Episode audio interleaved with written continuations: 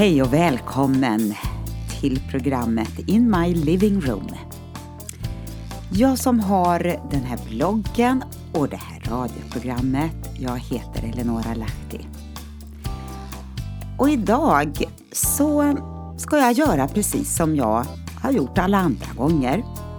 Jag ska läsa ifrån min blogg för dig. Och jag hoppas att mina tankar och funderingar kan eh, skapa någonting inom dig också att fundera på och kanske ta ställning till. Så känn dig välkommen in my living room.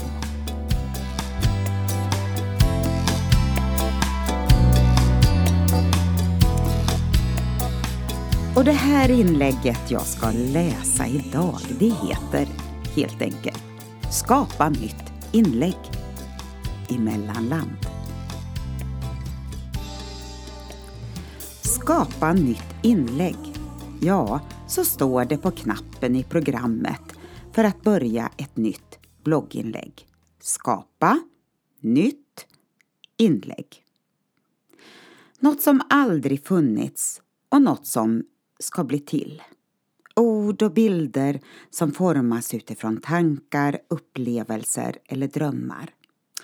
Ja, sommaren så här långt har bestått av mycket trädgårdsarbete. Eller ska jag kalla det för trädgårdsnöje? Det som andra ser som en börda är för mig en glädje. Men eh, då måste tiden finnas tillgänglig förstås. En växtkraft utan dess like drar igång och allt bara händer av sig själv. Ja, likadant med det målade trädäcket eller uthustaket. Det händer av sig själv, men tvärtom. Färgen flagnar och taket börjar ruttna på utsidan där takpappen blåst bort. Två motsatta krafter i tiden som jag kämpar emot på varsitt sätt. Växterna ska rensas och gallras, annars eh, tar det fullständigt över.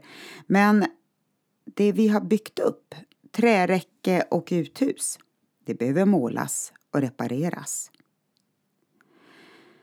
Likadant är det i våra liv på flera områden. Å ena sidan och andra sidan. Växtkraft och nedbrytning.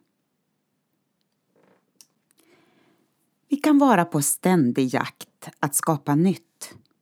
Ny garderob, personlighetsutveckling, nya andliga uppenbarelser. Jaha. Ny musik, nya relationer, ny karriär och ny livsstil i mat och motion. Ja, så bra vi ska bli! Allt nytt, där vi skapar och skapar och skapar. Kokar vi ner det till en koncentrerad essens handlar livet om relationer, ekonomi och hälsa. Men hallå, staketet?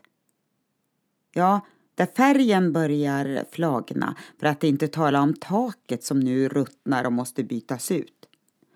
Det är utmaningar som behöver åtgärdas.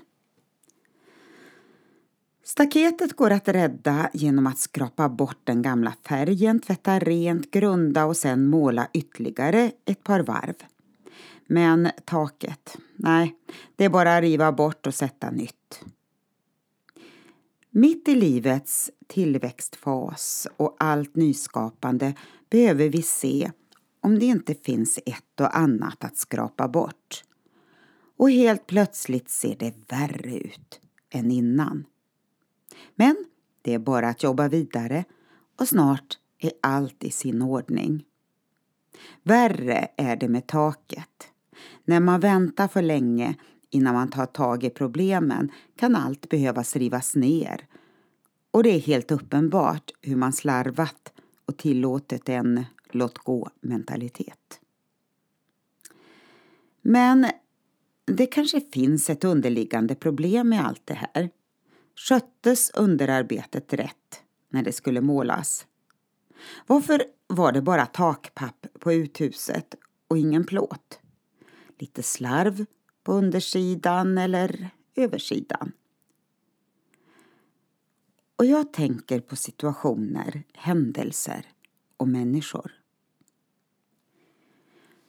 Det finns en tendens som jag nu ser i kyrkans värld.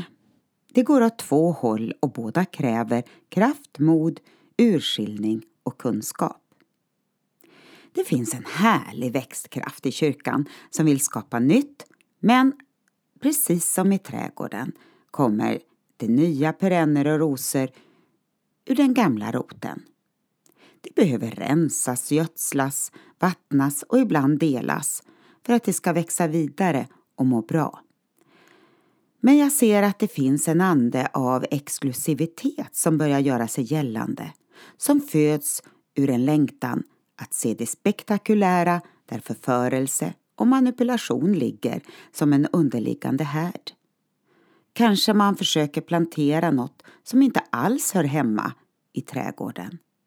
Ett andligt krig pågår. Och tyvärr ser det fint ut på ytan. En tid. Så har vi andra problemet. Man börjar så bra, taket är på plats och kärpappen likaså men man kommer aldrig till skott. Åren går och man undrar till slut varför det läcker in.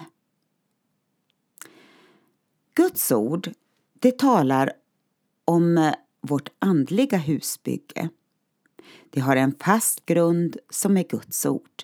Men mitt i allt det här talas det om en församlingsstruktur där Guds gåvor ska finnas i funktion för att vi ska byggas upp till andligt mogna människor. Vi ska utrustas till att vara med och bygga upp Kristi kropp, som det står om i Fesebrevet 4. Och här, här blir det problem. Eller, här har vi lösningen. Rädslan utifrån gamla erfarenheter kan få dig att inte vilja göra något och du blir handlingsförlamad och eller bekväm. Jag läste just ett sånt inlägg på Facebook. Där stod det Jag har lämnat Svenska kyrkan och Pingstkyrkan. Jo, jag ser på TV. Och det här är inte vad jag läser om i Bibeln kan jag konstatera.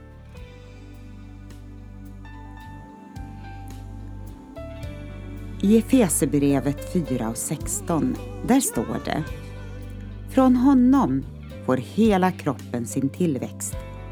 Så byggs kroppen upp i kärlek och den fogas samman och hålls ihop genom det stöd som var led ger, allt efter den kraft som är utmätt åt varje särskild del. Varje led ska ge stöd till andra i kroppen utifrån sin förmåga. Det går inte att vara overksam och leva sitt eget liv. Bibeln talar inte bara om vår gudsrelation utan den lyfter även fram våra relationer i familj, församling och samhälle. Där får vi möjlighet att slipas, växa och bära. Och takpappen i livet börjar kanske brytas ner av väder och vind, bit för bit. Ett, två eller sju år går och det verkar ju fungera i alla fall. På utsidan ser man lite vad som händer men på insidan känns det av. Själv levde jag några år i ett mellanland. Jag behövde det just då. Det var något av en andlig retreat utan att behöva ta ställning till massa tyckanden. Det var som att kalibrera den inre andliga kompassen. Och kanske du är mitt uppe i en sån tid. Eller så är det nu dags att ta steg vidare. Jag tror inte det är tänkt att mellanlandet ska vara din boplats utan det ska få vara något du lämnar efter en tid och jag ber att du ska finna det sammanhang som Gud vill leda dig in i. Låt inte fruktan och gamla erfarenheter binda eller styra dig. Guds ande leder i frid, men du behöver vara tillgänglig i allt detta och stå med öppna ögon och ett öppet hjärta. Guds välsignelse över dig att skapa nytt inlägg i ditt liv. Vid Babels floder, där satt vi och grät när vi tänkte på Sion. I pilträden som fanns där hängde vi upp våra harpor. För de som höll oss fångna bad oss sjunga. De som plågade oss bad oss vara glada. Sjung för oss en av Sions sånger. Hur skulle vi kunna sjunga Herrens sång i främmande land?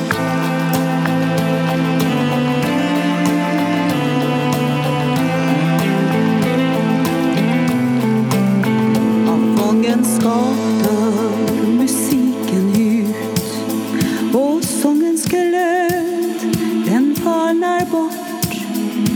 Prestation och människofruktan kväver livet som finns där i.